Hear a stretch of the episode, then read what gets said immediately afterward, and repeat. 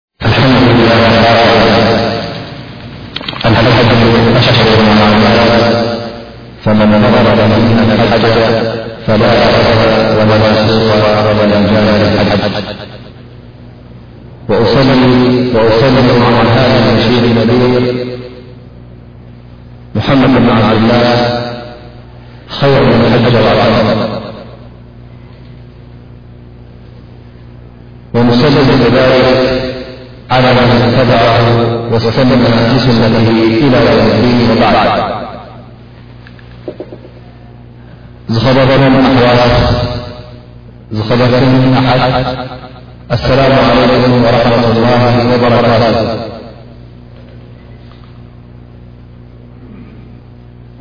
كب يم ع إن شاء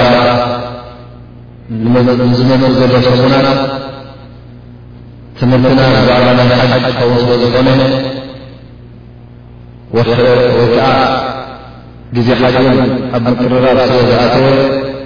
እቶም ክሕጅጁ ሓሲቦም ዘለዉ ወይ እውን እቲ ዝኾነ ፍናማይ ብዛዕባ ዲኑ ብዛዕባ ሓጅ ሓደ ካብቲ ናይ ዓነታት ሰሙና ስለ ዝኾነ ሓጅ ነዚ ነገር እዚ ብደንቢ ክፈልጦን ከስምዖን ኣገዳሲ ስለ ዝኾነ እንሻላ ካብ ሎምዓንቲ ጀሚርና ክሳዕ ግዜ ሓጅ ዝኣክል እንሻላ ብዛዕባ ናይ ሓጅ ክኸውን ምኳኑ ትምህርትና ከነበስረኩም ንፈቱ መጀመርያ ኣብቲ ናይ ሓጅ ክንኣቱ ከለና ኣገዳስነት ናይ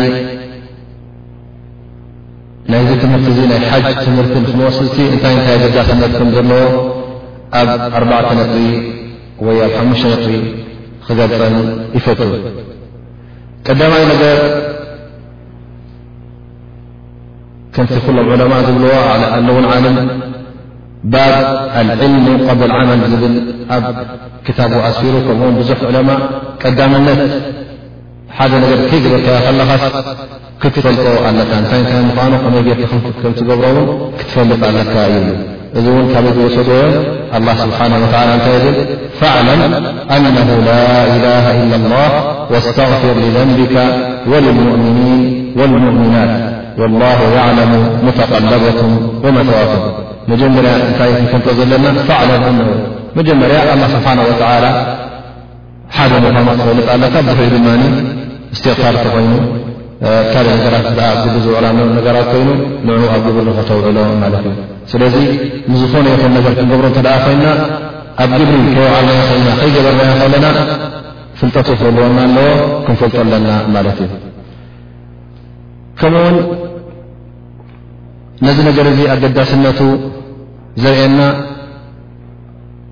ዑለማእ ሓታ እቶም ዑለማእ ዝበሃሉ ይብሉ ብዛዕባ እዚ ናይ ሓጅ ንሕና ንፈልጦ ኢና ይብሉ ንሰብ ውን ነምህር ነርና ሓጅ ግን እቲ ብቐንዱ ክትፈልጦ እተ ኮንካ ዓደ ክትፈልጦ እተ ኮንካ ብግብሪ ክትፈልጦ ኣለካ ወይ ከዓ ብግብሪ ክትውዕሎ ኣለካ ይብሉ ማለት እዩ ስለዚ ኣሽንኳይዶ ከይተምሃርካዮ ሓጅ ሕጅጅካ ክትከይድሲ ወላ እውን ተማሂርካዮ ከለኻ ውን ብዙሕ የሸግረካ እዩ ብዙሕ እንታይ እንታይ ምኳኑ ግር ይብለካ ኣብኡ ክትከይድ ከለኻ እንታይ ሎም መዓልቲ ዝገብር እንታይ እንታይ ዝግበር ኣበይ ቦታ ዩ ዝግበር ኢልካ ግር ይብለካ ላ ቅድሚ ሕጂ እውን ዓተ ሻዕ ሓሙሽተ ሻዕ ተማሂርካ ይኹን ከመይ ከመይ ዝግበር ሓጅ እውን ካብ መፅሓፍ ይኹን ካብ ዓለም ይኹን ሰሚዕካዩን ወሪኡ ኣለካን ይኸውን ዳኣ እምበር ግን ልክዕ ከምቲ እተመደቦ ንክትገብሮ የሸግረካ ስለ ዝኾነ ወላ እውን ከም ዕለማ እብሉ እቲ ሓጅ ወላ እናምሃርናዮ ከለናስ ወላ እውን እዚን እዚን ትንተናኡ እናፈለጥና ከለናስ ጌና ኣብቲ ግብሪ ዝረኣናዮን ኣብቲ ንብሎ ነበርናንሲ ብዙሕ ፍልልይ ኣሎ ማለት ክትገብሮ ከለኻ ብዝያዳ ኣብኡ ኢኻ እትፈልጦ ይብሉ ስለዚ ከምቲ ዝበልክዎ ኣሽኮ ከይፈለጥካ ክትከይድ እናፈለጥካ ውን ክትከይድ ከለካ ንሓጅ ብዙሕ ኣሸጋሪ እዩ ከምኡ ውን ኣገዳስነት ንዚ ዕልሚ ዚ ናይ ሓጅ ክትወስድ ዘለዎ ውን ዘርኢ ሓጅ እታ ሓንቲ ዒባዳ ክትቆርፃ ዘይትኽእል ዕባዳ እያ ንኣብነት ሓደ ሰብ እተ ኣብ ስያም እተ ክንኣቲ ኮይና ስያም እተ ናይ ፈርዲ ዘይኮይኑ ኣብ ነፍል እተ ኮይኑ ሱና ስያም እተ ኮይኑ ወላ ፍርቂ መዓልቲ ኣቋሪፅዎ ክገድፎ ይኽእል እዩ ዳሕራይ ናይ ግድን ቀደዮ ዝብሎ ሰብ የለን ማለት እዩ ሓጅ እንተ ኣብ ኒያ ናይ ሓጅ ኣኻ እሕራም እተ ገርካ ኒያ ኣኻ ወላ ውን ሱና ትኾነ እዛ ሓጅ እዚኣ ኣብ መንጎ ክትቆርፃ ኣይትኽእለን ኢ ኣይፍቀደካ ማለት ትቆርፃ እተ ኮንካ እንድሕር ፍርቃ በፅሕካ ወይ ዝገበርካ ገርካ እተ ዘይመላእካያ ናይ ግዲ ንዓመታ ክትቀድያ ኣለካ ማለት እዩ ኣብ ርእሲኡ እውን ፍድይ ኣለካ ማለት እዩ ስለዚ ሓጅ ከምቲ ካልእ ዕባዳታት ኣይኮነትን ግን ተገዲስካ ኣቲሙ ሓጃ ወልዑምራ ስለ ዝበለ ኣላ ስብሓን ወላ ናይ ግድን እተ ጀሚርካየስ ናይ ግድን ክጨርሳ ኣለካ ማለት እዩ ስለዚ ተፈልየት ዕባዳ ስለ ዝኾነት እሳ እውን ዓመት ዓመት ጥራእያ ትመፅእ ዳኣ እንበረይ ወርሒ ወርሒ ኣይኮነት ወይ ውን ኣብ መዓልታዊት ኣይኮነት ስለዚ እዚ ነገራት እዚ ስለ ዘሎ ብዛዕባ ሓጅ ክትፈልጥ ኣገዳሲ ይኸውን ማለት እዩ ከምኡውን ቅነ ናይ ሓጅ ሓንቲ መዓልቲ ኣይኮነትን ዳርጋ ኣርባዕተ ሓሙሽተ መዓልቲ ይኸውን። ኩለን ድማ ዝተፈላለያ ስራሓት ኢኻ ትሰርሓለን ማለት እዩ። ኣብ ሻምናይ መዓልቲ ትሰርሖ ስራሓት ኣሎ፣ ኣብ ታሽዓይ ዙልሕጃ ኣሎ፣ ኣብ ዓሽራይ ኣሎ፣ ኣብ ዓሰርተ ሓደ ዓሰርተ ክልተ ዓሰርተ ሰለስተ እዘን ኩለን ክተማልእ እንተ ኮይንካ እዘን ኩለን ነናተን ስራሓት ስለ ዘለዎን ከም ሰላት ፍልጥቲ ኣይኮነትን ሓንሳ እተሪኢኻ ምናልባሽ ሰላት ክልተሻዕ እተሪኢኻያ ዳርጋ ከተፅንዓ ትኽእል ኢኻ ማለት እዩ ሓጅ ግን ከተፅንዖ ቀሊል ኣይኮነን ዳርጋ ሽዱሽተ መዓልቲ ሰሙን ወስደልካ በቢ መዓልቱ ድማ ነናት ኣሎ ሓደ ሓደ ግዜ እውን ምናልባሽ እተ ኣቐዲምካ ሕሪምካ ኮይንካ ምናልባሽ ኣብ ሕራምካ ን ዳርጋ ወርሒ ክልተ ውርሒ እውን ክትገብር ትኽእል ኢኻ ስለዚ ናይ ሓጅ ነዊሕ ግዜ ስለ ዘሎ ቀፃሊ ስለ ዘሎ ዝተፈላለየ ስራሓት ድማ ስለ ዘለዎ ነዚ ነገር እዚ ድማ ንኸተፅንዖ ብጣዕሚ ኣገዳሲ ይኸውን ስለዚ ናብዚ ዝኣመሰለ ናይ ትምህርቲ ንክትቀርብ ውን ኣድላይ ይኸውን እመስለኒ ካብቲ ኣገዳሲ ዝኾነ ነገር ድማ ነዚ ትምህርቲ እዚ ንክንምሃር ብዙሓት ሰባት ኣብ ጌጋ ይወድቁ ማለት እዩ። ዓብዪ ጌጋታት ይፍፅሙ። እዚ ጌጋ ድማ ምናልባሽ ጉድኣቱ ኣብ ስውነቶም ይኸውን ወይ ከዓ ኣብቲ ዝገብርዎ ዝነበሩ ናይ ዒባዳ ይኸውን። ስምብራቱ ኣብቲ ዒባዳ ይርከብ ወይ ከዓ ኣብ ነብስኻ ይርከብ ማለት እዩ፣ ኣብ ስውነትካ ንኣብነት ብዘይ ምፍላጥ ኣለዉ እንታይ ሰምዑ ሰምዒ ዝፈልጥ ኣዓርዩ ግን ክፈልጣ ኣይከኣለን ማለት እዩ።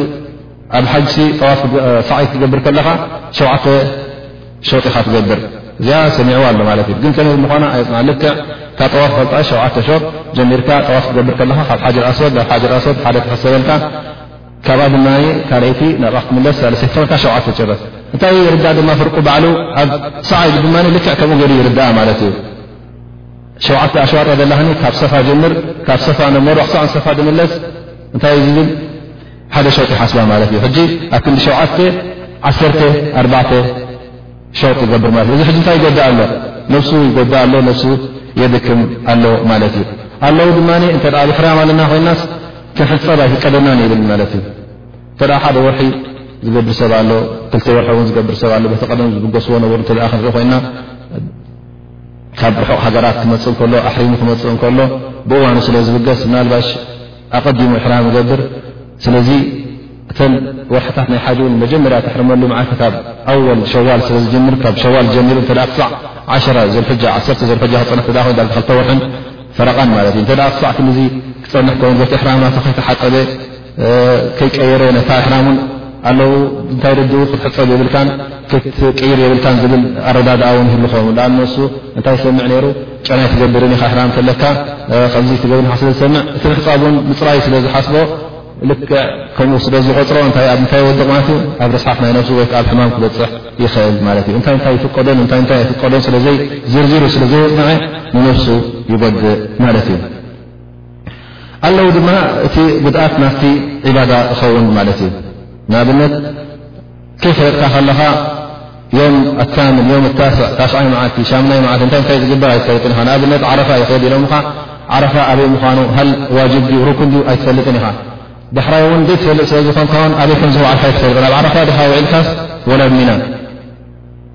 ወፃኢ ካብቲ ሕዱድ ክትክልል ከለኻ ካብ ሕዱድ ናይ ዓረፋ ወፂእካ ድሕሪ ልካ ውን እንታይ ከምዝኸትል ስለ ዘይትፈልጥ ኣፃቢቦምልና ዛሕማ ኮይኑ ሰብ በዚሑ ኢልካ ካብኡ ክትርሕቕ እንድሕር ባዶ ቦታ ረኺበ ኢልካ ሰብ ዘይብሉ ኢልካ ብ ድሕር ኮፍ ትብል ኮይንካ ግን እስኻ ምናልባሽ ናይ ነብሲ ተረቢሓ ትሪኣ ኣለኻ ካብቲ ዛሕማ ካብቲ ብዙሒ ሰብ ወፂእካ ግን ታ ዕባዳ ትገድል ኣላ ማለት እዩ ድሕር ካብ ዓረፋ ድማ ናብ ዓረፋ ዘይውዓልካ ኮይንካ ድማ ትሓጅኩላ ተበኪና ማለት እዩ ስለዚ ነታ ዕባዳ እውን ትጎድኣ ኣለኻ ማለት እዩ ኣለውን ሓደሓደ ግዜ ኣለዉ ኣዕርዮም እውን ዘይፈለጡን ሓደ ዋጅብ ዝኾነ ወይ ከዓ ካብቲ ርኩን ናይ ሓጅ ዝኾነ ጠዋፍ ንኣብነት ጠዋፍ ልኢፋዳ ከይገበረ ናብ መብዝሕቲ ግዜ ደቂ ኣንስትዮ ናይ ወርሓዊ ፅግያተን ስለዝመፀን ምናልባሽ ኣብ እቲ ግዜ እቲ ግዜ ፀቦም እሞንታይ ኣ ንግበር እብሉ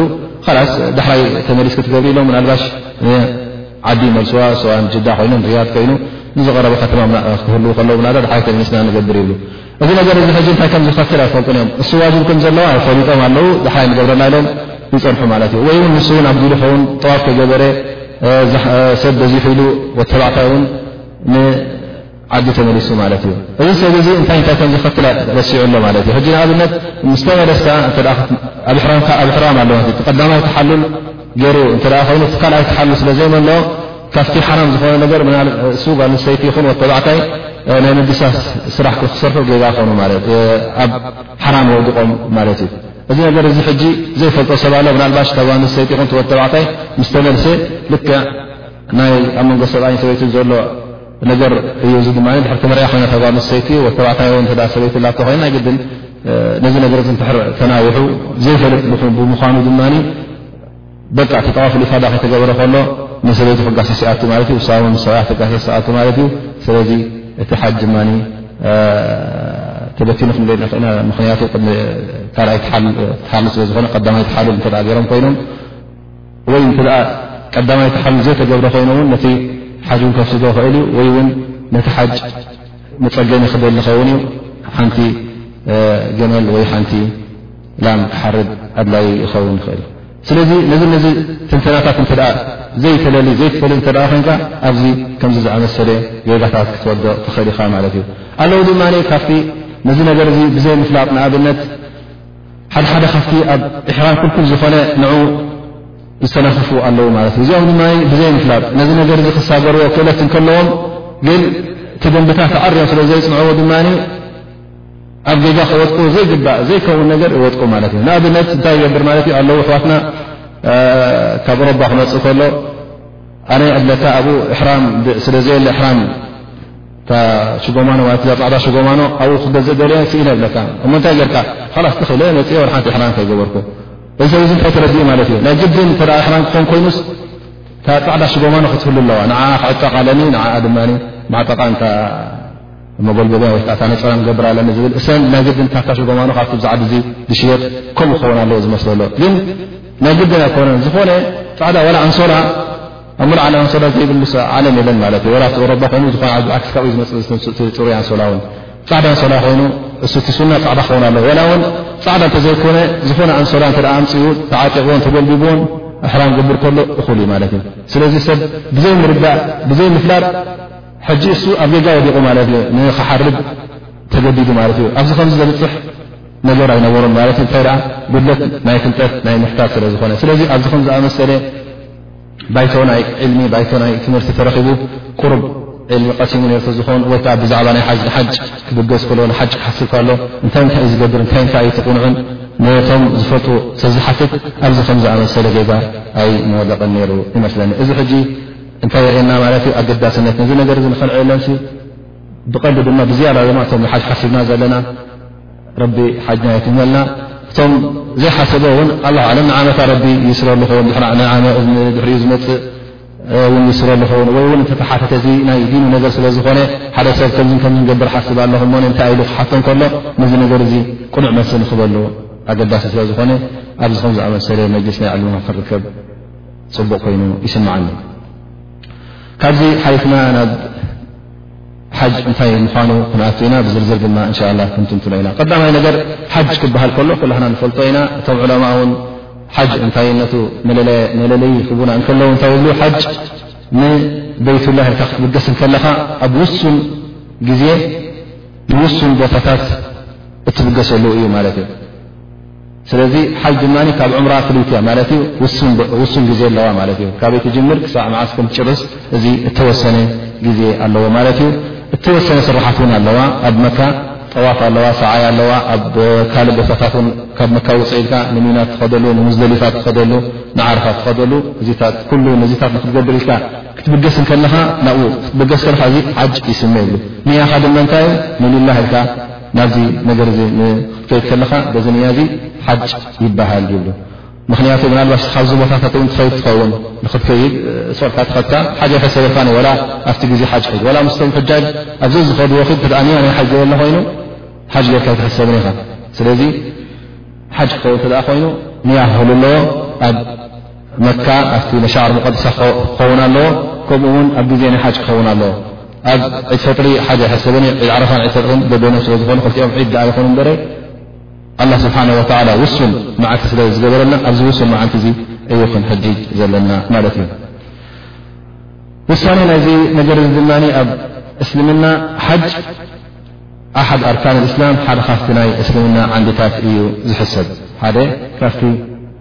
ናይ እስልምና ዓንድታት እዩ ዝሕሰብ እሱ ሕጂ እውን ዑለማእ ብሎ ፈርዲ ዓይን ዓላ ልቃድር ኣልሙከለፍ እቲ ተሓታቲ ዝኾነ ሰብ ክእለት ዘለዎ ተሓታቲ ክበሃል ከሎ ድማ ዑለማ ሙከለፍ ማለት እዩ ዓቅል ክኸውን ኣለዎ እኹል ባልቕ ክኸውን ኣለዎ ማለት እዩ እዚኦም ተደኣ ኮይኖም ኣላ ስብሓን ወተላ ነዚ ሰብ እዙ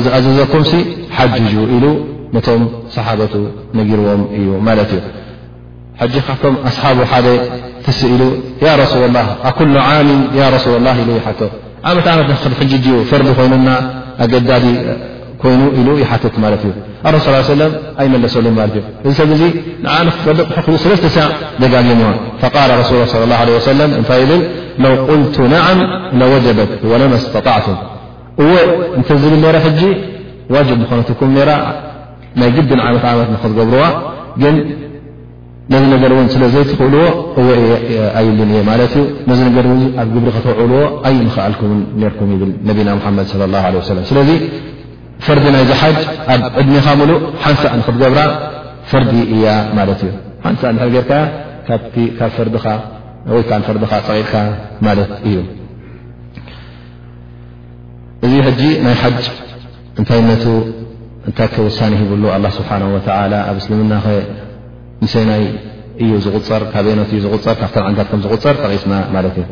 ካብዚ ሕጂ ናበይ ንኸይድ ማለት እዩ ናብ ፈርድ ልሓጅ ወይ ከዓ ብልፀት ናይ ሓጅ ሓጅሲ ኣብ እስልምና ሓደ ካብተን ዓንድታት ናይ እስልምና ምዃኑ ጠቂስና ነርና ኣብ ርእሲኡ እውን ዝያዳ እቲ ብልፀታቱ እቲ እንረኽቦ ፃማ እቲ ንረኽቦ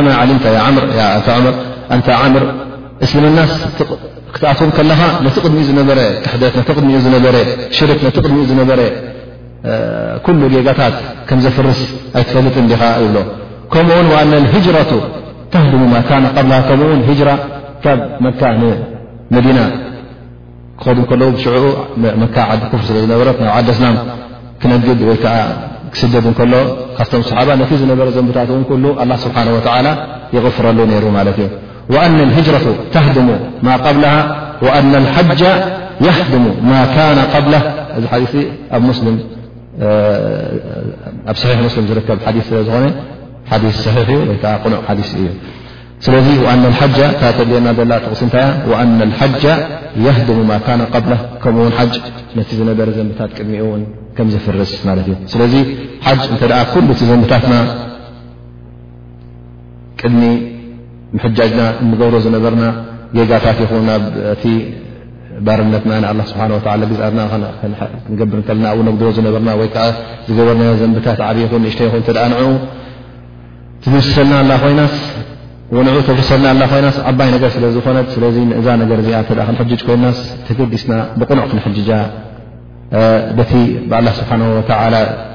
ዝሃበና መምርሕታት ልክዕ ገርና ክንሕጅጃ ኣገዳሲ ይኸውን ማለት እዩ ስለዚ ንክንሕጅጅ እውን ይደፋፍኣና ማለት እዩ ክሳዕ ሕጂ ክእለት ከለዎ ዘይሓጀጀ ክሳዕ ሎሚ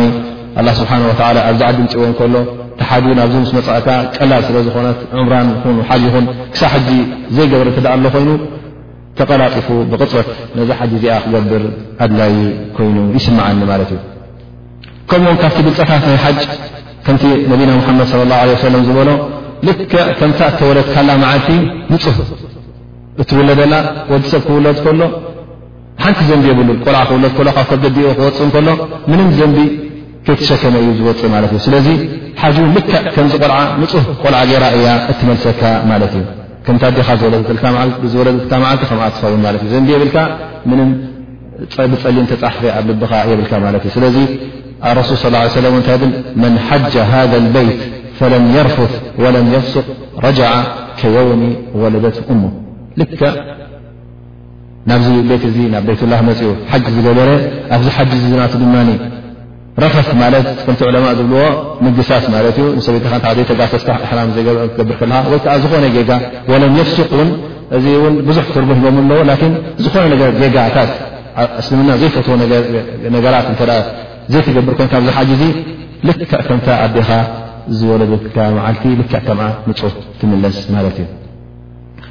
ከምኡ ውን ነዚ ነገር እዚ ወይ ከዓ ነዚ ሓጅ ብሉፅ ዝገብሮ ነጥብታት ኣላ ስብሓን ወላ እንታይ ገይርዎ ነዚ ካብ ኣፍደል ልጅሃድ ካብቲ ጅሃድ ዝሕሰብ ካብቲ ብሉፅ ጅሃዳት ገይሩ ቆፂርዎ ማለት እዩ ድሕሪ ኢማንን ጅሃድን እውን ንዕኡ ጠቒስዎ ማለት እዩ ስኢለ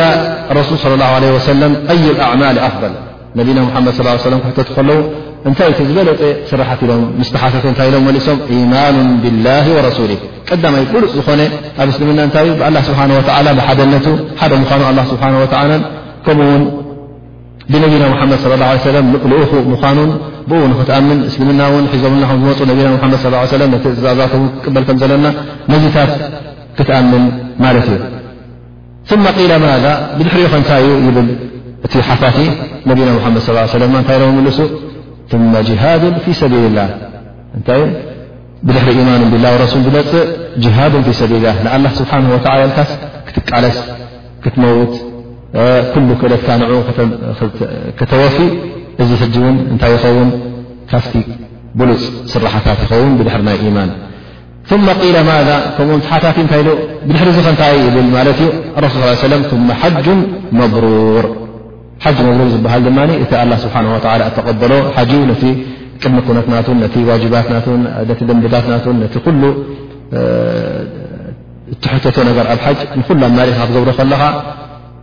እዚ እንታይ ይበሃል ሓጁ መብሩር ይበሃል ኣላ ስብሓን ወተላ ይቕበሎ ማለት እዩ እዚ ሕጂ ሳለሳይ ደረጃ ረኪቡ ማለት እዩ ድሕሪ ኢማን ብላ ወረሱሊ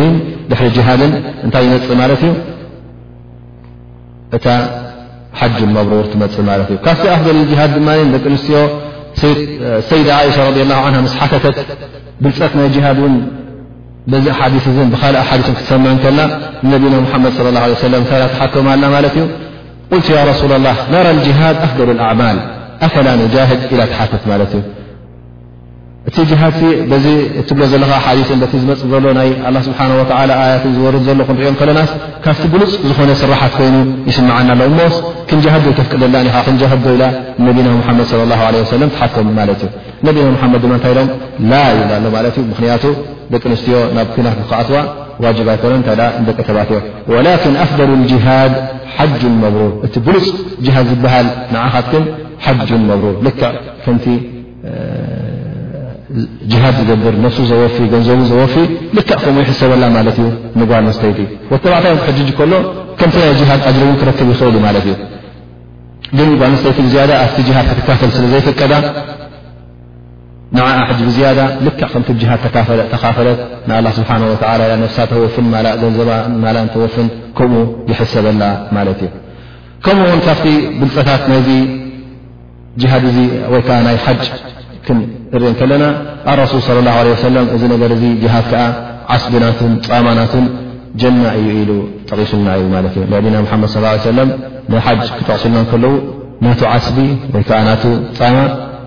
ጥራይ ጀና እዩ ኢሎም ጠቒሶሞ ማለት እዩ ምክንያቱ እቲ ሓዲ ዝወረ እንታይ ይብሉ ኣልዑምረቱ ኢላ ልዑምራ ከፋረቱ ልማ በይነሁማ ኣብ መንጎ ክልተ ዕምራ ዘሎ ካብ ዕምራ ናብ ዕምራ ዘሎ ኣላ ስብሓን ወተላ ነቲ ዘንብታትካ ከም ዝሓፀብ ገይርዎ ማለት እዩ ካብ ዕምራ ኣብ መንጎ ክልተ ዕምራ ትገብሮ ጌጋታት ኣላ ስብሓን ወላ በታ ካልይቲ ዕምራ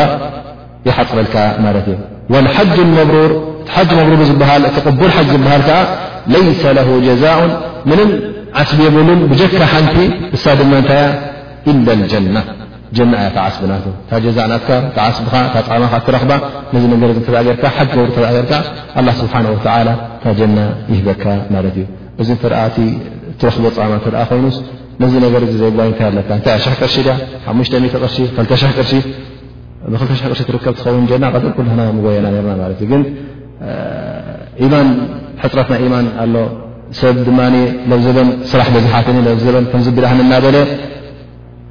ንዓመታ ንዓመታ እናበለ እቲ ኩሉ ግዜ ወዲ ሰብ ድማ ኣለኹ ዩ ዝብል በር ይመውት ስለ ዘይብል ካብ ዓመት ናብ ዓመት ብ ዘበን ቅሩብ ስራሕ በዝሑና ኣሎ ዘበን ድማ ከምዝን ከምዝንገብር ታገዛ ክምልኣ ሓሲበ ኣለኹ ዘበን ድማ እታ ማኪና ተውዲ ትበልላ ሸሕ ክልተሽሕ ቅርሺ ናብኣ ክነብላ ነዘ ከምኡ እናበለ እቲ ዕድሜ ይሓልፍ ማለት እዩ እበረይ ቅሩብ ሕስብ ተተብል ብክልተ ሽ ሰለስተ ሽሕ ኣላ ስብሓን ወተላ ጀና ክበካ እናበለካ እዚ ግን መን እዩ ዝረኽቦ ኩሉ ሓና ንረኽቦ ኢና ቀሊል ነገር ተትኸውን እቲ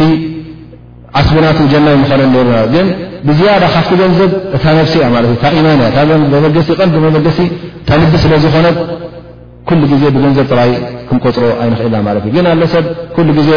ናብ ገንዘብ ጥራይ የዘንብል ማለት እዩ ተን ገንዘብ ንኸይከዶ ግን ኢማን ተትህልዎ ነሩ ኣይኮነን ሽሕ ክልተ ሽሕ ምት ሽሕ እውን ዝኸፍላሉ ነፍሲ እውን ዝፈድሎ ምእንቲ ኣልእምንቲ ታጀና ንክረክብ ማለት እዩ ስለዚ ተቐንዲ ነገር እቲ ኢማን እዩ ንሕና ውን እቲ ኢማንና ክብ ከነብሎ ንላዕሊ ድማ ክብ ከነብሎ ኣላ ስብሓን ወተላ ክሓግዘና ቀዳማይ ነገር ንልምን ካልኣይ ድማ ኣብዚ ከምዝኣመሰለ ዕልምታት እናተረኸብና ዱዓ እናገበርና ብዝከኣልና መጠን ድማ እቲ ዕባዳታት እናብዛሕና ክንከይድ ከለና ኣላ ስብሓን ወላ ውን ካብ ዕባዳ ናብ ዕባዳ ብዝያዳ ክስምረልናን ክውፍቀና ይኽእል ማለት እዩ ስለዚ ካብቲ ናይ ተውስያ ናይ ኣሕዋት ዝነበረ እዚ ሓጂ እዚ ኣብ ክንዲ ኣብኡ ከሎ ጥራይ ከም ኣስተምህሮ ንህቦ፣ እቶም ኮፍ ኢሎም ዝሰምዑ ድማ ኣብ ክንዲ ብዘይ ሓደ ነገር ዝወፁ ብዝበለፀ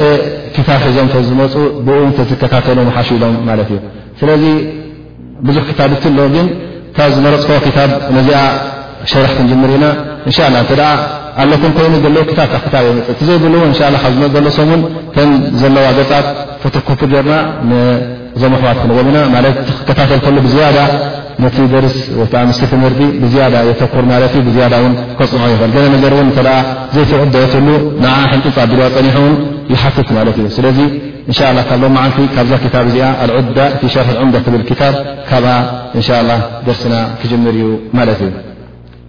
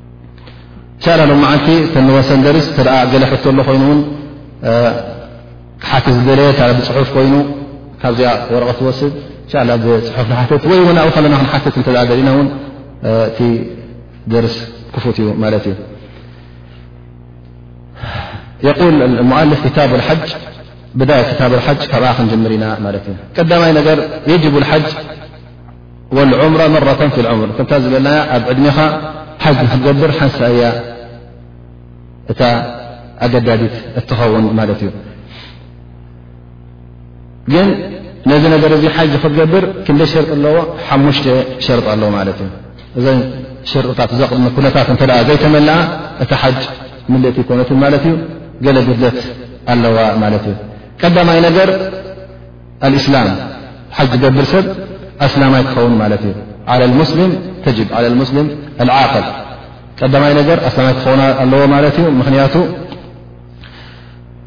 ኣስላማይ እተ ዘይኮነ እቲ ፍሩዕ ናይ ካፍር እተ ኮይኑ ቀንዲ ነገር ሻሃዳ ስለዝኾነ ሳ ተዘይኣላ ኮይኑ ኩሉ ፍሩስ ባጥል ስለዝኾነ ውን ምንም ክጠቕሙ ኣይትኽእል እ ላ ተሓጀጀ ውን ኣይትሕሰብን ማለት እዩ ላ ውን ኣ ስብሓ ወ ኣይቅበላን እዩ ማለት እዩ ካልኣይ ነገር ል ዓቅል ማለት ከዓ ባልቕ ማለት እዩ ወዲ ሰብ ዓቕል ማለት ድማ ኣእምሮ ዘለዎ ፅሉል ክኸውን የብሉን ማለት እዩ ሓንጎሉ ዝሰሓተ እንተ ደኣ ኮይኑ እዚ ሰብ እዚ እውን እታ ሓጅ ኣይትወጅቦን ወይ ከዓ ናይ ግድን ኣይኮነትን ንዕኡ ማለት እዩ ምኽንያቱ ፅሉልን ቆልዓን ከምቲ ኣብ ሸርዕ እስልምና غይር ሙከለፊን ኣይሕተቱን እዮም ማለት እዩ ዒባዳ ክገብሩ ሰናይ ተግባር ንክገብሩ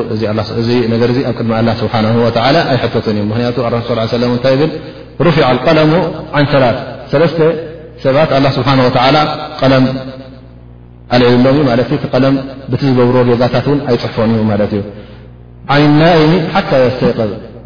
ድቁስ ክሳዕ ዝትስእ ደቀሰሰብ ክሳዕ ዝትስእ ኣላ ስብሓን ወተዓላ ድቃስ እንታይ ከም ዝገበረ ኣይሓተን እዩ ምክንያቱ ዳርጋ ሞት ስለ ዝኾነ እንታይ እንታይ ይገብር ስለ ዘይፈለጥ ብሕልሚ ዝገበሮ ነገር ኹን ዋላ እውን ደቂሱ ከሎ ዝሓሰቦ ወይ ከዓ ውን ደቂሱ ከሎ ዘሕለፎ ፈርዲ እተኣ ኣሎ ኮይኑ ኣብዚ ግዜ እዚ ኣላ ስብሓን ወተዓላ ኣይሓስቦን እዩ ወዓን ሰብይ ሓታ የሽብ ከምኡ ውን ቆልዓ ክሳዕ ክንሰብ ዝኣክል ማለት እዩ ባልቕ ክሳዕ ዝኸውን ዳርጋ ዓሰርተ ሓሙሽተ ዓመት ይሕሰብ ካብኡ ንዮ ይሕሰብ ማለት እዩ ወዓን ልማዕቱሂ ሓታ ይዕቅል ኣልማዕቱህ ማለት ከዓ ፅሉል ወይ ከዓ ሓንጎሉ ዝሰሓተ ክሳዕ ኣእምርኡ ዝምለሶ እዚ ሰብ እዚ እውን ኣይሕተትን እዩ ኢሉ ነቢና ሙሓመድ ለ ላ ለ ሰለም ጠቒሶምና እዮም ማለት እዩ ስለዚ ካብቲ ቅድሚ ኩነታት ናይ ሓጅማ ዓቕልን ባልቕን ክኸውን ኣለዎ ማለት ፅሉል ክኸውን የብሉን ወይ ውን ቆልዓ ክኸውን የብሉን ከምኡ ውን ኣልሑር ናይ ግድን ጭዋ ክኸውን ኣለዎ ምክንያቱ ባርያ እንተ ደኣ ኮይኑ እቲ ግዜ ኣብ ኢድ ይኮነን ማለት እዩ ጎይትኡ ኣይሰደካን እ ክብሎ ክእል እዩ ሓጅ ድማ ነዊሕ ግዜ ስለ ዝወስድ ካበይ ናበይ ምናልባሽ ካብ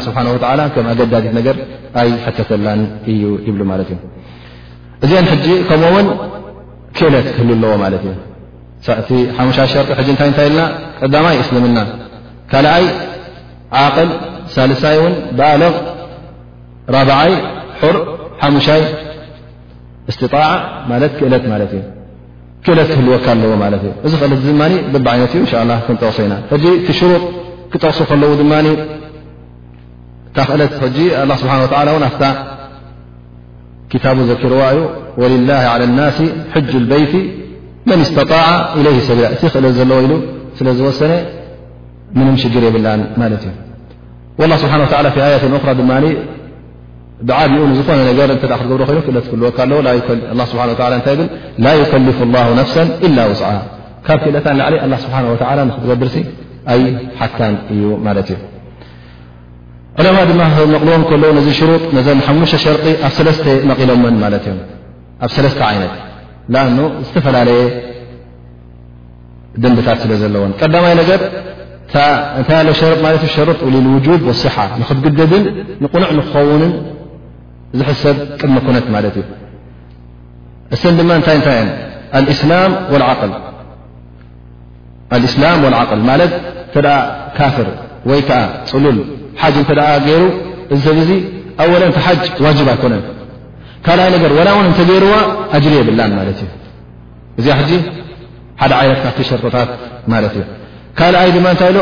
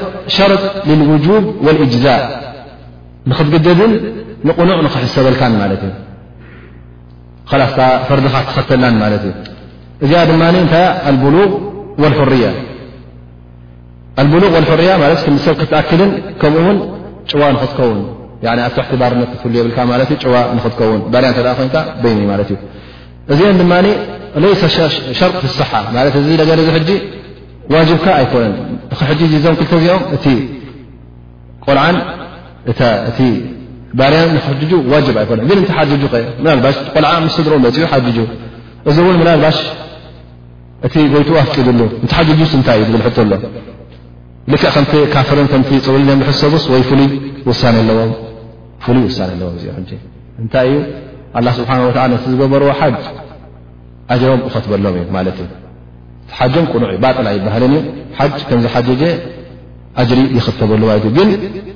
ሕጀተ እስላም ኣይትሕሰበሉን እያ ማለት ተፈርዲ ኣይከተታን ኣሎ ክሳዕ ሕጂ ምናልባሽ ተቆልዓ እተ ዓብዩ ክም ሰብ ምስ ኣኸለ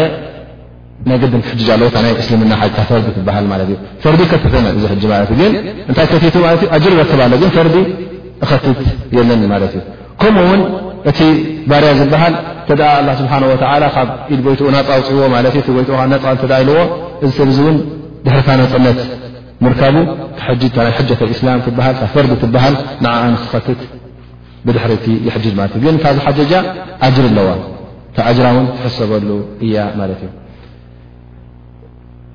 እቲ ሳልሳይ ሸርጢ ከዓ ሸርጢ ልውጁብ ንክትግደድ ሸርጢ ዝኾነ ማለት እዩ እሳ እውን እታ እስትጣዓ ማለት እዩ ምናልባሽ ሓደ ሰብ ኩለን ኣማልእ ይኸውን ክእለት ኣለዎ ኣስላማ እዩ ኣብ ርእሲኡ እኹል ሰብ እዩ ዓብ ሰብ ማለት እዩ ፅሉል ኣይኮነን ጥዑይ ሰብ እዩ ማለት እዩ ራብዓይ እውን ጭዋ እዩ ባርያ ኣይኮነን እዚ ሰብ እዚ ግን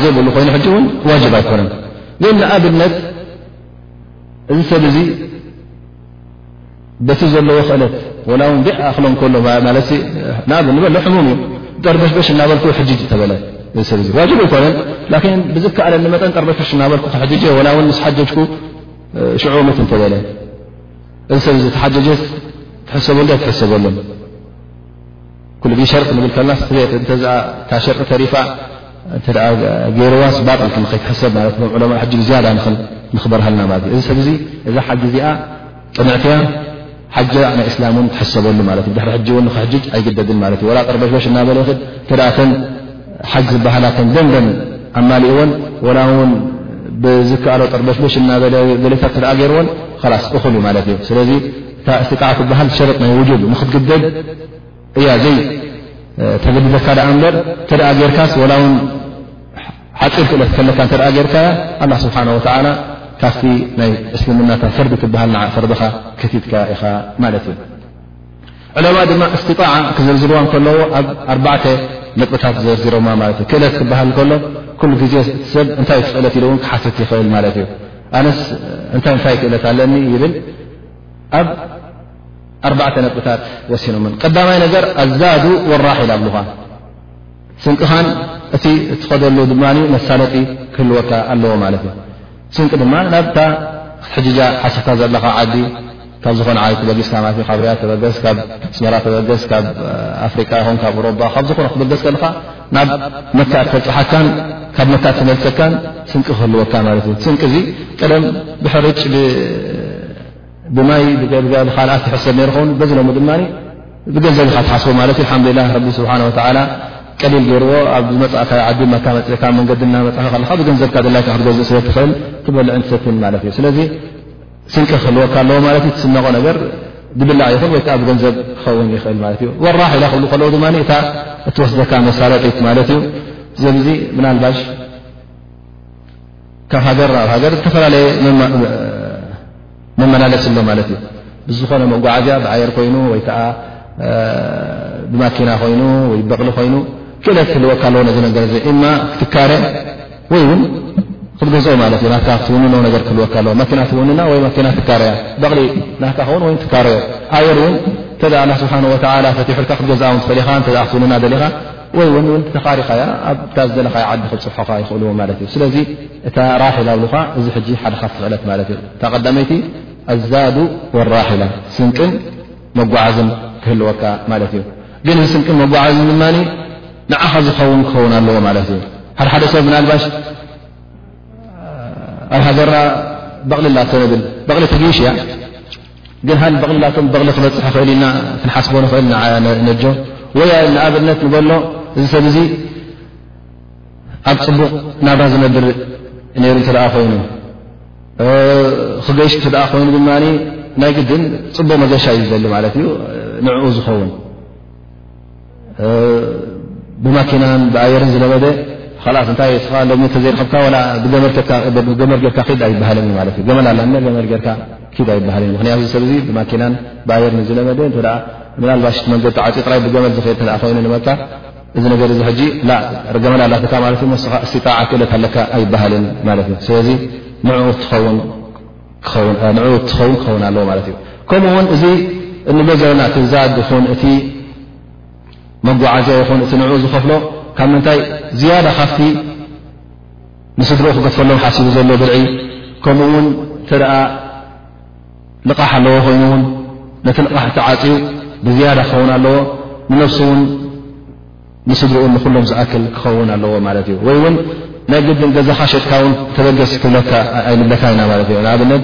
ገዛ ኣነ ሕጂ ክእለት የብለይ ንብል ግን ሓደ ንኣብነት ገዛ ይህልዎ ኸ እቲ ገዛ ንሕር ሸይጡ ንመካ ክተብፅሖ ትኽእል እያ ማለት እዩ እሞስ ገዛ ኣለካ እሞ ክእለት ኣለካ ኣይበሃልን ነዚ ገዛ ሸጥካ ሓጅ ዝብል ትእዛዝ የለን ማለት እዩ ምክንያቱ ገዛ ኣድላይ ስለ ዝኾነ ንዓኻን ነቶም ስድራኻን ሓደ ካብቲ ኣድላይ ነገራት ስለ ዝኾነ ኣላ ስብሓን ወተላ እውን ላ ይከልፉ ላ ነፍሰን ኢላ ውስዓ ካብቲ ገዛኻ ውፃ ተኻረ ንኡ ሸጥካ ብኡ ሓጅጅ ኣይብለካን ማለት እዩ ስለዚ ክእለት የብልካን ማለት እዩ ወላ እውን ገዛ እቲ ድቅሰሉ ዘለካ ገዛ ወላ ብሚት ሽሕ ይኹን ንኡ ሸጥካ ሓጅጅ ዝብል ኣይኮነን ማለት እዩ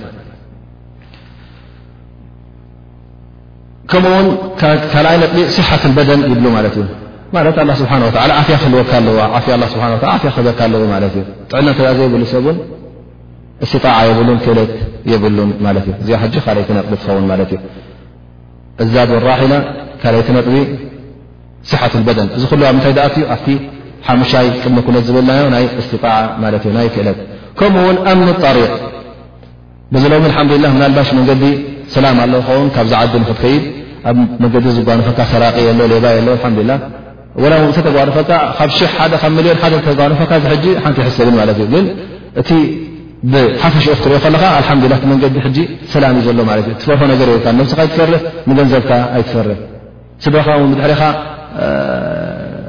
ሰራቒ ክመፆም እዩ ወይ ከዓ ሌባ ክኣትዎም እዩ ኢልካ ውን ኣይትፈርህን ኢኻ ማለት እዩ እዚ ሕጂ እንታይ እዩ ኣብ መጠሪቕ እቲ መንገዲ እውን ሰላም ክኸውን ኣለዎ ማለት እዩ ምናልባሽ ኣብዚ ሕጂ ኣብ ውሽጢ ስዑድያ እውን ሰላም ክኸውን ምናልባሽ ግን ንሕና እውን ኩሉ ክንሓስብ ኣለና ማለት እዩ ካብ ካልእ ሃገራት ዝመፅእ ኣሎ ማለት እዩ እተ ካብ ዓድና ኮይኑ ካብ ዓድና ዝርሕቕ ነገር ኮይኑ ኣብ መንገዲ ገለ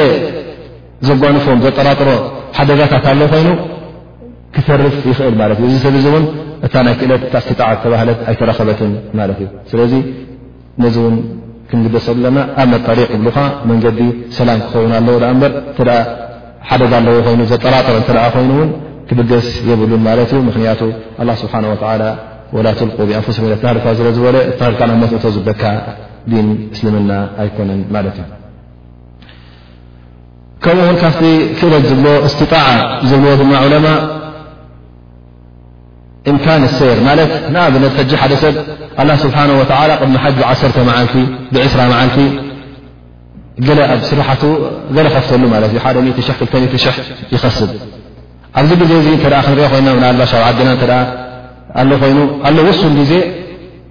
እቲ ቪዛታት እቲ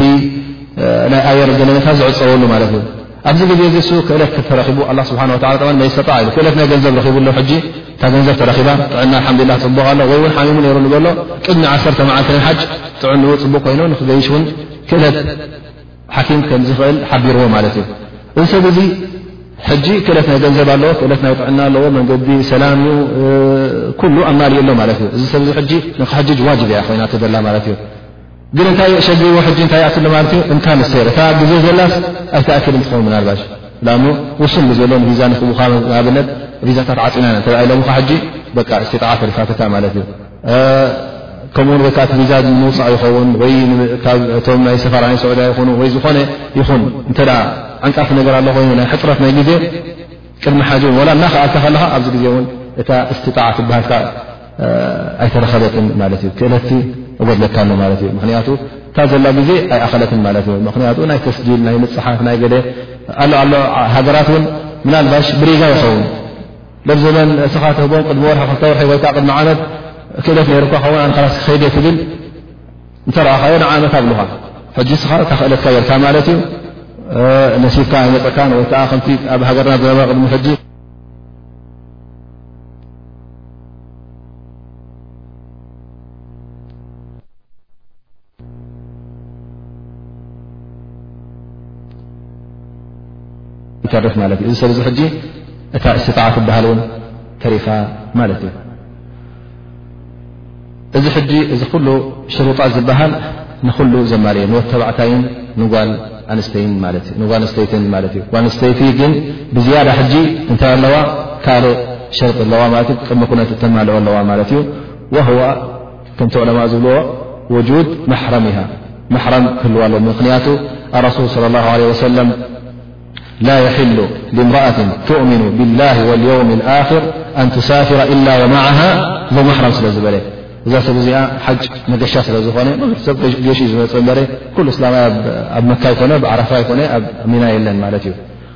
ስለዚ ሓጅ ምስ መገሻ ዝተኣሳሰረ ስለ ዝኾነ ጓል ንስተይቲ እውን እተ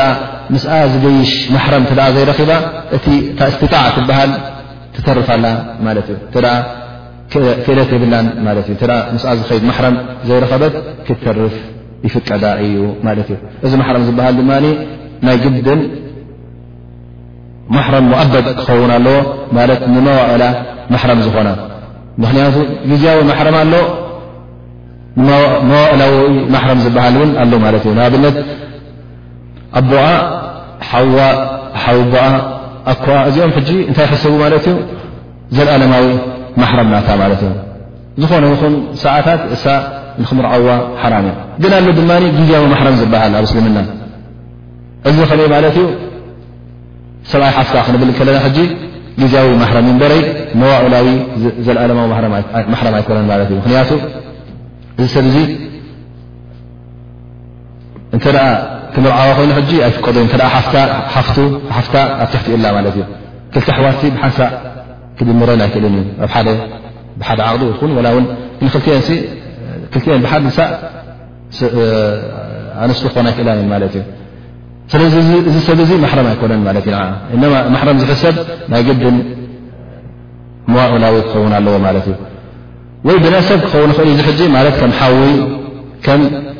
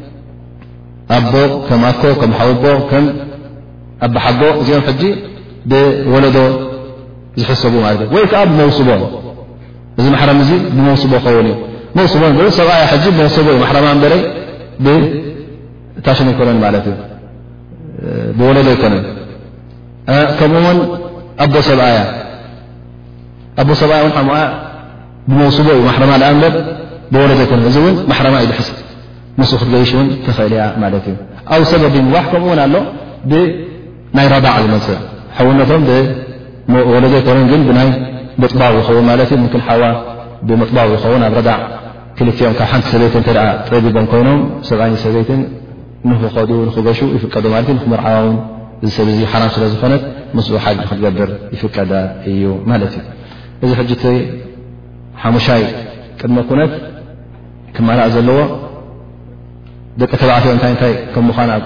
ናቶም ኣብቲ ክእለት ዝበሃል እስጢጣዓ ዝበሃል ጓል ንስተይቲ እውን ብዝያዳ ንዓኣ ዘርኢ ናይ ማሕረም ከም ምዃኑ ጠቒስና ማለት እዩ ይቁል እሞኣልፍ ከመን ፈረጣ ሓታ ማት ማለት ሓጅ ዘይገበረ ክሳዕ ዝመውት ክእለት እንከለዎ እዚ ኩሉ ረኪቡ ከሎ እዚ ኩሉ ሸርጥታት እዚ ኩሉ ቅድሚ ኩነታት ኣብ ኢዱ ኣብ ትሕቲኡ ኣብ ቅፅፅሩ እንከሎ ዘይሓጀጀኸ እንታይ እዩ ፍርዱ ይብል ማለት እዩ ፈመን ፈረጣ ሓታ ማት ኣኽርጃ ዓንሁ ምን ማል ካብ ገንዘቡ ይወፅእ ማለት እዩ እተ ሞይቱ ካብ ገንዘቡ ሕጂ መሐጅጂ ይወፅእ ማለት እዩ ካልእ ሰብ ገርካ ተሐጅጆ ልክዕ ከም እንታይ ሕሰብ ማለት እዩ ከም ልቓሕ ፈመን ፈረጣ ኣኽርጃ ዓንሁ ምን ማል ሓጀት ወዑምራ ብ ባዕዲ ዕለማ እብሉ ዑምራ እውን ዋጅብ እያ መረተን ፊ ልዑምር ልክዕ ከም ፈርዲ እያ ትሕሰብ ስለዚ እተ ናይ ዑምራን ናይ ሓጅን ክእለት ነይርዎ ኮይኑ እዚ ሰብ እዚ ናይ ሓጅን ዑምራን ዘግብር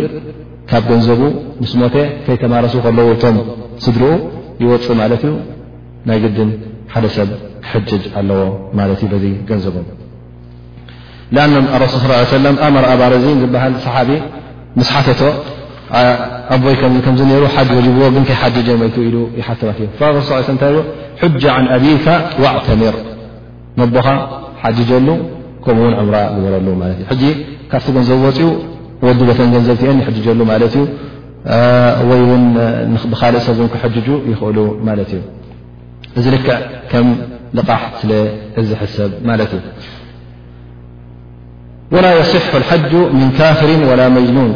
ከምቲ ዝበልናያ ወየስሑ ምን ኣሰብይ ዓብድ ወላ ይዝእሁማ እዚ ሕጂ እቲ ዝሓለፈ ተፍሲር ብዛዕባ ናይቶም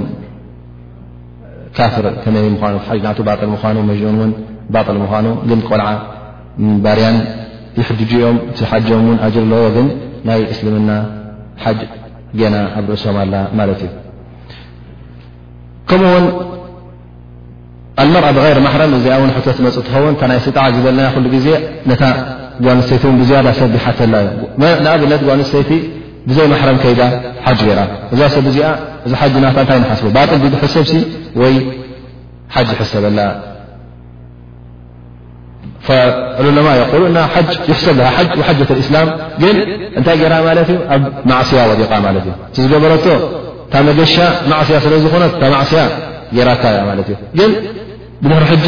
ናይ እስልምና ሓጅ ኣይገበርክን ኢልካ ፈርዲ ናይ ሓጅ ኣይከተትክን ምክንያቱ ብዘይ ማሕረም ኸ ጌሽኪ ክትብላ ኣይትኽእልን ኢኻ እንታይ ደኣ እዛ ሰብ እዚኣ ሓጅ ናታ ይሕሰበላ እዩ እቲ ሓጅ እውን ቁኑዕ ምሉእ እዩ ዝሕሰበላ ማለት እዩ ወመን ሓጃ ዓን غይር ወለም የኩን ሓጃ ዓን ነፍሲ ምናልባሽ ሓደ ሰብ ኣነ ነቦይ ክሕጅጀሉ የ ብል ኸውን ኣቦይ ሞይት እሞ ኣነ ነቦይ ክሕጅጀሉ ዩ ሓወይ ዝፈትዎ ሓወይ ነይሩኒ ሞ ኣነስ ነዚ ሓወይ ዚ ክሕጅጀሉ ዝብል ኣይሰኣንን እዩ ማለት እዩ ከምኡ ውን ምናልባሽ ኣነስ ኣላ ስብሓን ወላ እተ ኣነዚኣነዚኣናሲጡለይሲ ነውዮ ኣለኹ ያ ገይረ ኣለኹ ክሕጅጅ ለብዘበን ኢሉ ኣላ ስብሓን ወላ ድማ ነዛ መብፅዓ እዚኣ ኣስቢጥሉ ማለት ዩ መብፅዓ እተ ኣትዩ ወይ እንተ ንሱና ፈርዲ እዩ ሓሰበን ንያ ግን ንሱና ኢሉ እተ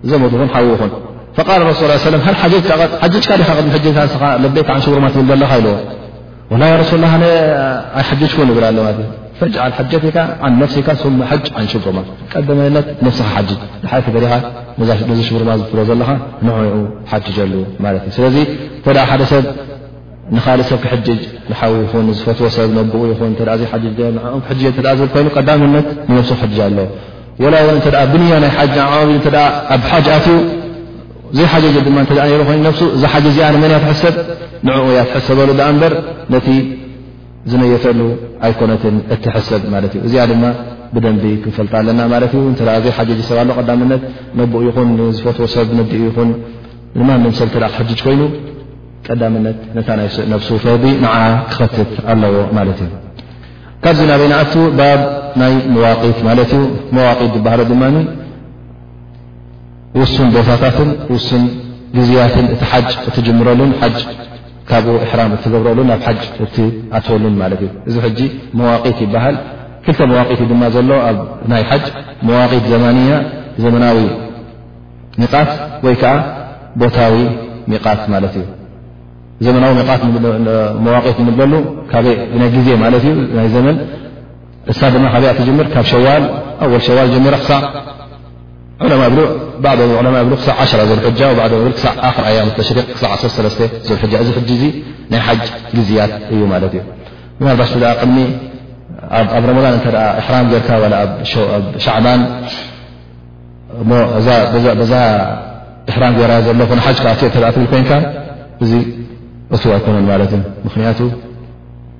ካብቲ ኣላ ስብሓን ወተላ ነቢና ሙሓመድ ስ ሰለም ዝወሰንዎ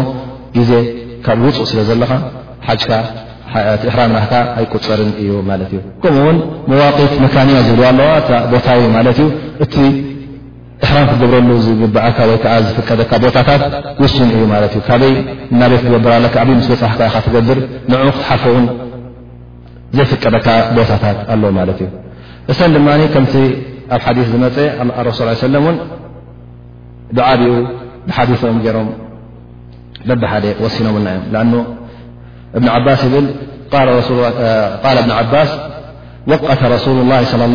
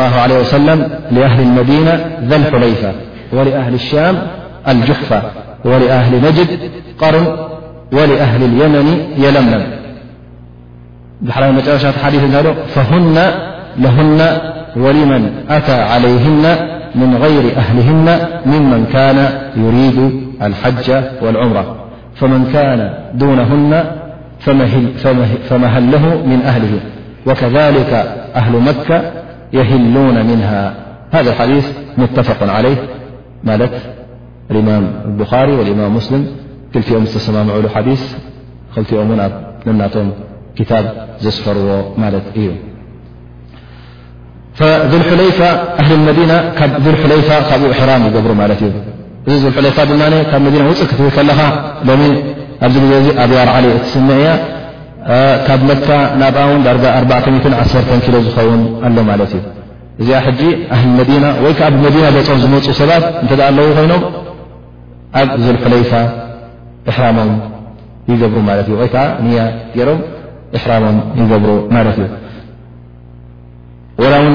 ካብ መስር ዝመፀ ኣሎ ካብ ሻም ዝመፀ እተ ኮይኑ እተ ብመዲና መፅኡ ብኣ ገብር ማለት እዩ ግን ቀርዲ ንመን እያ ትሕስብ እዚኣ ንኣህሊ መዲና ንሰብ መዲና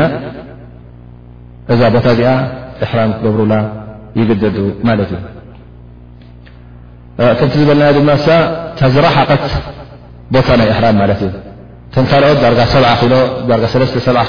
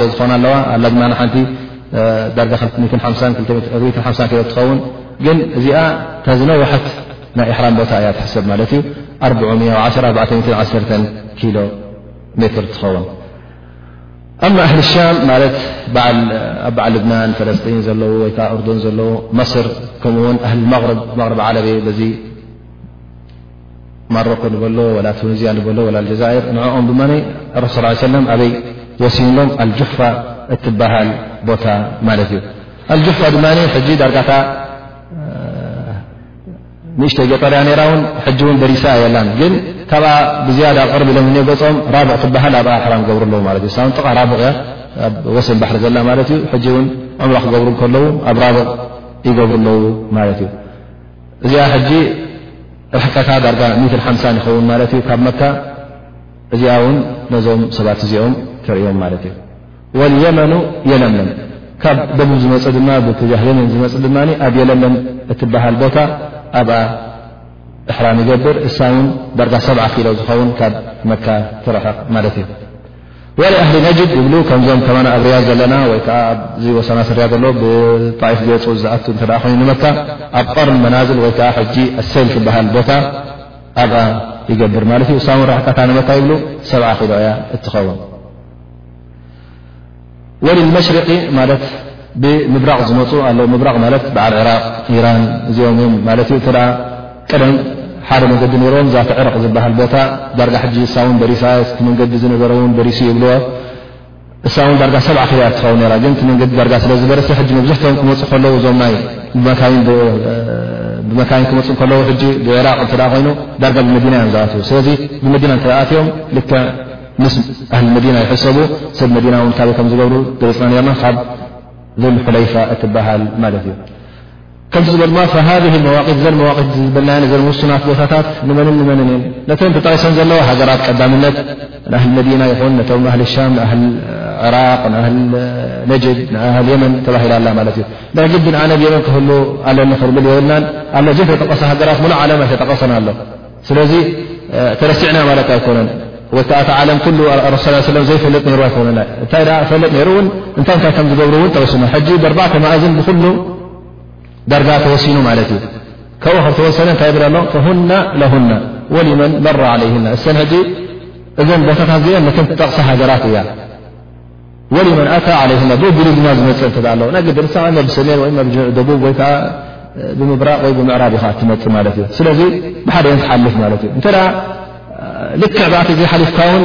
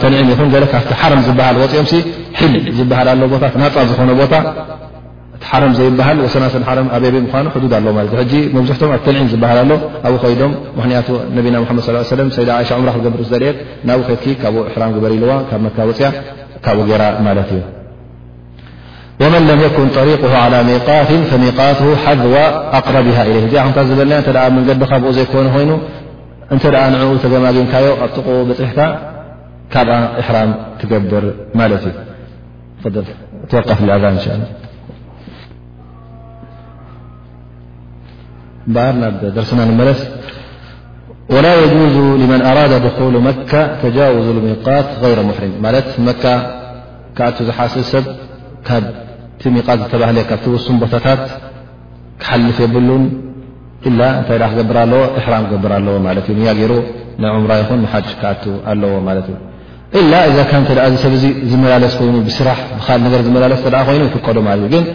ድሕሪ ዚ ነዊሕ ካብ ነዊሕ ቦታ መፅካ ብ ነዊሕ ግዜ እናመፃእካ ከለካ እ ተኣትልካ ኮይንካስ ናይ ግድን ዑምራ ክንገብር ኣድላይ ስለ ዝኾነ ነቲ ሚቓ ዝተባህለ ቦታ ክትሓልፎ የብልካ ኢላ እሕራን ጌርካ ንመካ ክትኣት ኣለካ ማለት እዚ እውን ብዝያዳ ንመካ ክብረት ዝህባ ስለ ዝኾነ ኩሉ ግዜ መካ ክትከይድ ከለኻ ዋላ ንካልእ ስራሕ እውን እተ ትኸይድ ኣለካ ኮይንካ እውን ብዝበለፀ እሕራም ገርካ ክትኣትው ይሓይሽ ግን እተ ብዙሕ ትመላለስ ኮይንካ ናይ ግድን ኩሉ ግዜ እሕራም ግበር ክትበሃል ኣይትኽእልን ኢኻ ማለት እዩ ግን እንተ እዚ ሰብ እዚ ሓሊፍዎ ማለት እዩ ነቲ ናይ ሚቃት ዝተባህለ ትውሱም ቦታ ካብኡ ሓሊፉ እተ ንመካ ገፁ ቀሪቡ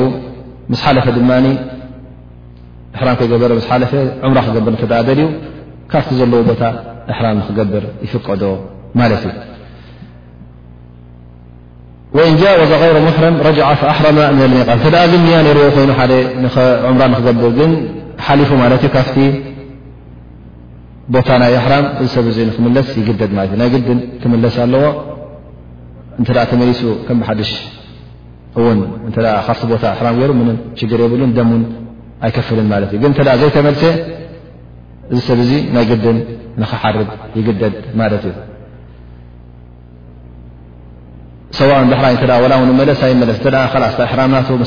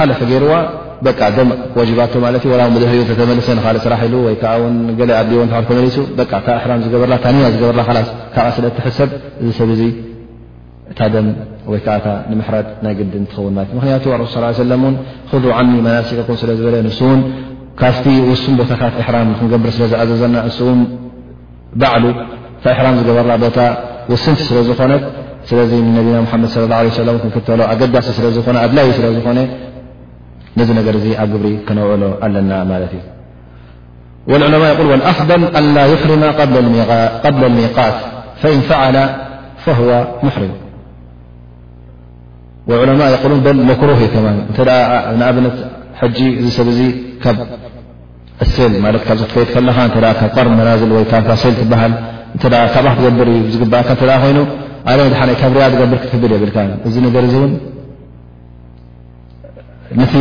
ሱና ስለ ዘይተኸተልካ እዚ ነገር እዚ እውን መክሩህ ዘይፍቱ ይኸውን ማለት እዩ ግን እንተ ጌርካዮ ኸ ምናልባሽ ኣነ ካብዚ ሕራም ገብረ ኢልካ ንያ ካብዚ ጌርካ ማለት እዩ በቃ ምሕረም ኢኻ ትሕሰብ ማለት እዩ እቲ ናብ ሓጅ ዝኣተወ ሰብ እቲ ሕራም ዝገበረ ሰብ ዝኽልከሎ ነገራት ክኽልከሎ ማለት እዩ ምናልባሽ ንስኻ ሕራም ጌርካ ተዓጢቕካ ኣየር ተሓረፈትካ ዋላ ኣርባዓ ሽዱሽተ ሰዓት ኮፍ ክትብል እተ ኮይንካ ኣብ ርያድ በታ ዘለኻዮ ሕራም ናይ ግድን ኮፍ ክትብል ኣለካ ማዳም ንያ ጌርካ ናብ እሕራም ኣቲኻ ማለት እዩ እዚ ሕጂ ብዝያዳ ንነፍስኻ ትውፅዓ ኣለኻ እቲ እስልምና ድማ እቲ ዲን እስልምና ድማ ንነፍሲ ክትውፅዓ ኣይመፀን እንታይ ደኣ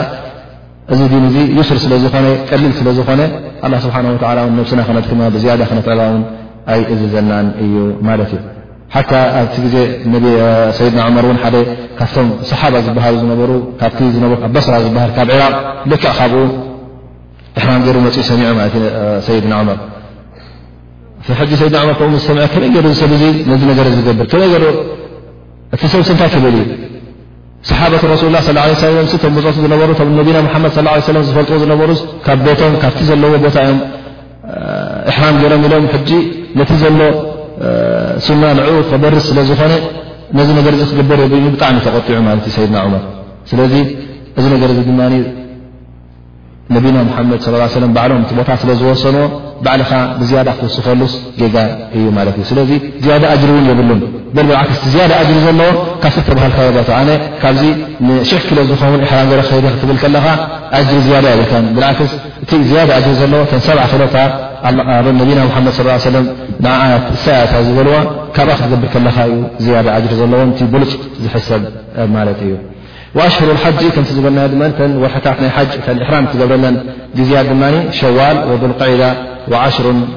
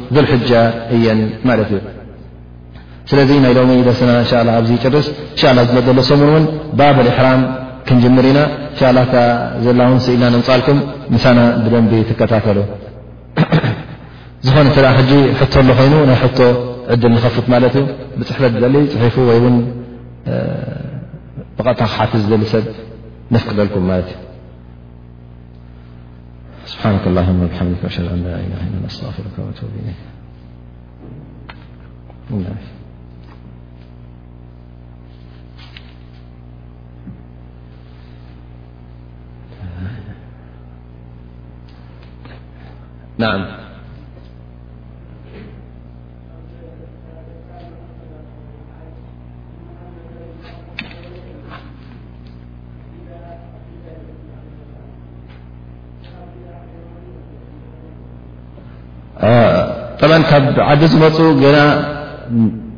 ምስ የለን መብዝሕቲ ብጀኑብ ዳርጋ ስለ ዝመፁ ንሰሜን ገፆም እታ ዝቐረበት ንኦም ተርኢ ዘላ ሚቓት የለለም ትበሃል ትኸውን ስለዚ ንዓኣ ሓሊፎም ኣብ ጅዳ ኮፍ ኢሎም ይቕንዩ ማለት እዩ። እዚ ሰብ እዚ ንስራሕ ድዩ መጺኡ ንሓጂ? እንተ ንሓጂ ኢሎም መጺኦም ኮይኖም ናይ ግድን ካብታ እተወሰነት ቦታ ካብኣ እሕራሞም ክገብሩ ኣለዎም ማለት እዩ። እንተ ንዓ ሓሊፎማ ናይ ግድን እማ ክምለሱ ኣለዎም ናፍታ ቦታ እቲኣ እተተመሊሶም ንየለምለም ይኹን ወይ ከዓ ንዝቐናብ ካልእ ናይ ሓጅ ዝግበረሉ ሚቓት ዝግበሩ ሚቓት ዝበሃል እሕራም ዝግበረሉ ቦታታት ናብኡ ተመሊሶም እሕራሞም ክዓጥቁን ንያኦምን ክገብሩ ናይ ግድን ይኸውን ማለት እዩ እንተ ዛዕ ዘይተመለሱ ግን ካብ ጅዳ እተ ሕራም ክገብር ጀሚሩ እዚ ሰብ ዙ እንታይ ይኸውን ማለት እዩ ናይ ግዲ ንክሓርግ ይእዘዝ ማለት እዩ ሓቲ በጊዕ ኣብ መካ ይሓርግ ማለት እዩ እዚ ሕጂ ንኦም ዘርኢ ማለት እዩ እሶም ማ ዘይምፍላጥ በረይ እንተ ንሓደ ወርሒ ክፀንሕ ኮይኑ ገይሩ ኣብኣ ከሎ ተመትዕ ይሓስብ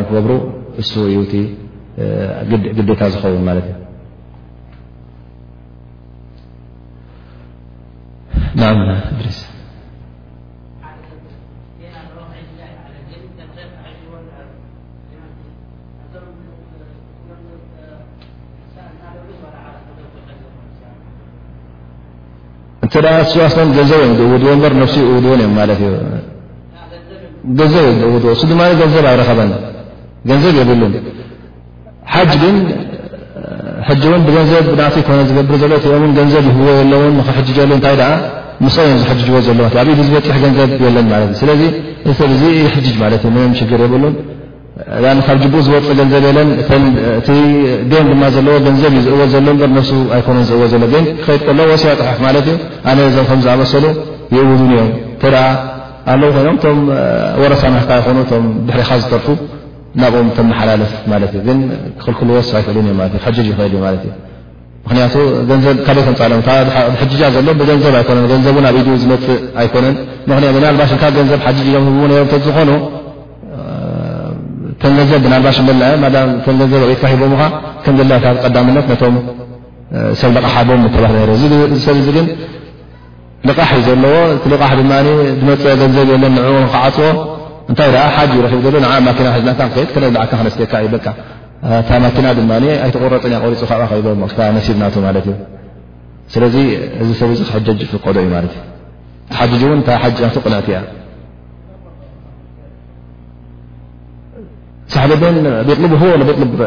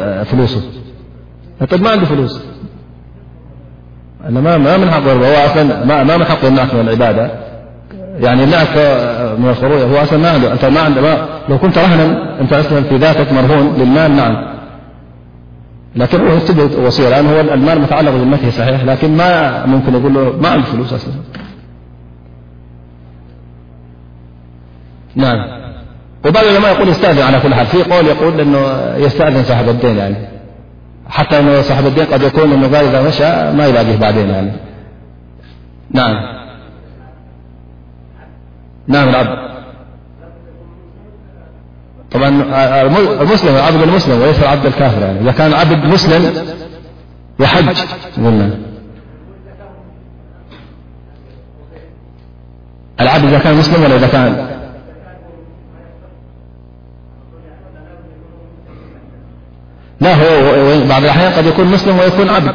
مازال عبدا لأن ه عبد قد يكون أسلم أن ما يلزن السي بإطلاق عبده وإنكان مسلما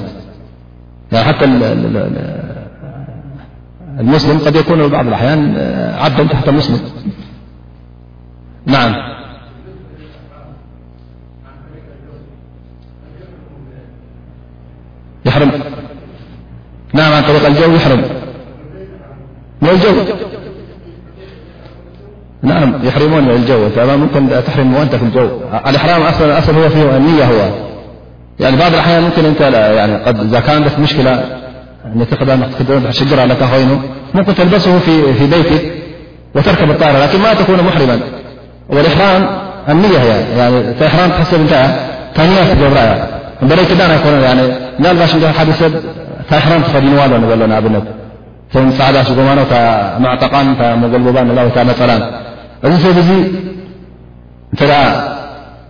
ንዓ ተኸዲነሉ ናይ ግድን ምሕሪም ኣሎ ማለት ኣይኮነን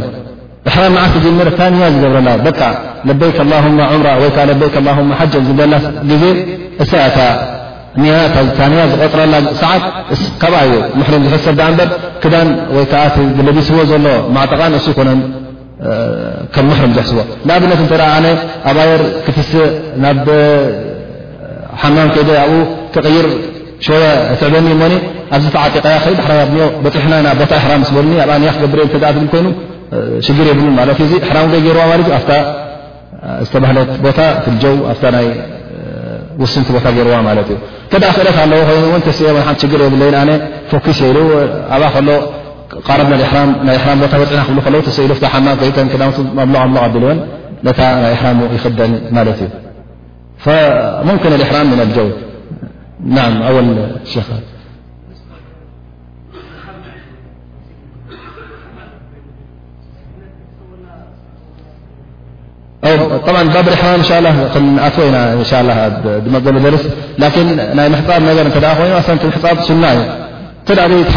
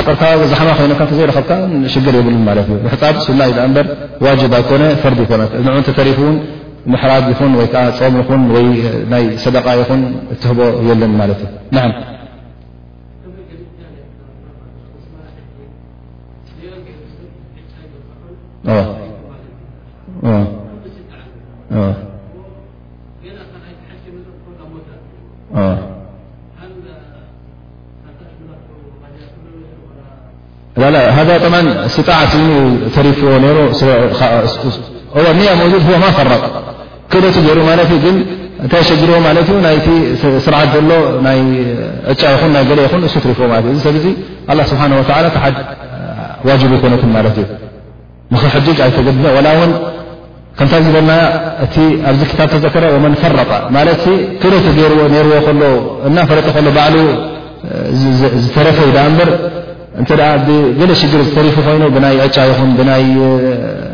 ደንብታት ስርዓት ዘሎ ብሕግታት ገለ ትሪፎሞ እተ ኮይኖም እሱ እናደረየ ከሎ እዚ ሰብ ዚ ካ ስጣዓ ትበሃል ቁድራ ትበሃል ስለ ዘየላ ነዚ ሰብ ዚ እውን በቃ ተፍሪጥ ኣይበሃል ወይ ከዓ ተጋሊ ይበሃል እ ሓጅ እውን ኣይትወድቦን እያ ወላ ውን ካብቲ ተሪፉ ዘሎ ገንዘብ ን ካብኡ ይወሰድ ኣይንለይ ኢና ማለት እዩ እቲ ይወሰድ ኢናዮ ዘለና ክእለት ረኺቡ ከሎ ዕድል ረኺቡ ከሎ ባዕሉ ዘተሓጥሓጠ ማለት እዩ